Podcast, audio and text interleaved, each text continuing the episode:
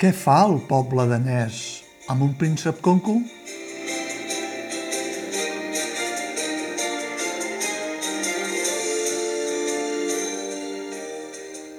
La prova del pèsol funciona. Ja pot bramar el príncep hereu de Dinamarca que això del pèsol és un costum antic i que, amb només 21 anys, no es vol casar, si plau per força, ni amb la princesa d'Anglaterra ni amb cap altre. Però els monarques danesos s'entesten a posar el pèsol sota els set matalassos per estar convençuts que la sang de la noia que caigui a Palau és reial de debò.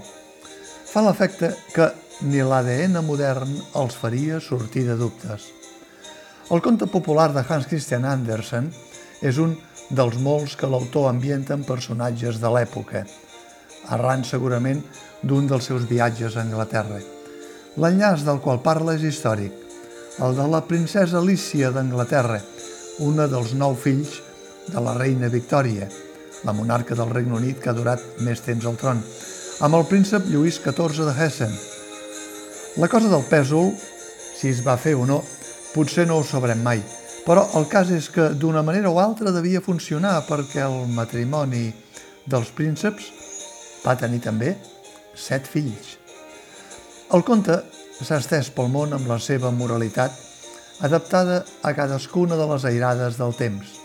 Aquí, la versió de Dani Xerta per a la Roda Produccions s'apunta a la llibertat d'elecció a l'hora de trobar parella.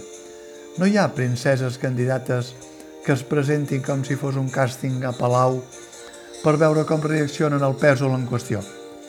Ni el príncep ha viatjat pels set mars per trobar la seva parella ideal, sinó que la noia, fugada d'Anglaterra de polissó en un vaixell que naufraga, arriba a la costa danesa i va patar per atzar al palau del príncep on es dispara l'enamorament mutu.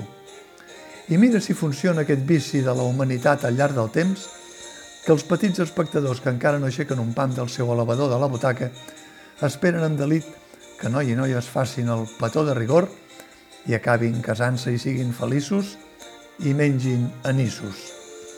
L'espectacle, en prova del pèsol o no, funciona tan dramàticament com musical, reduït d'intèrprets pel que sembla després de la seva primera estrena.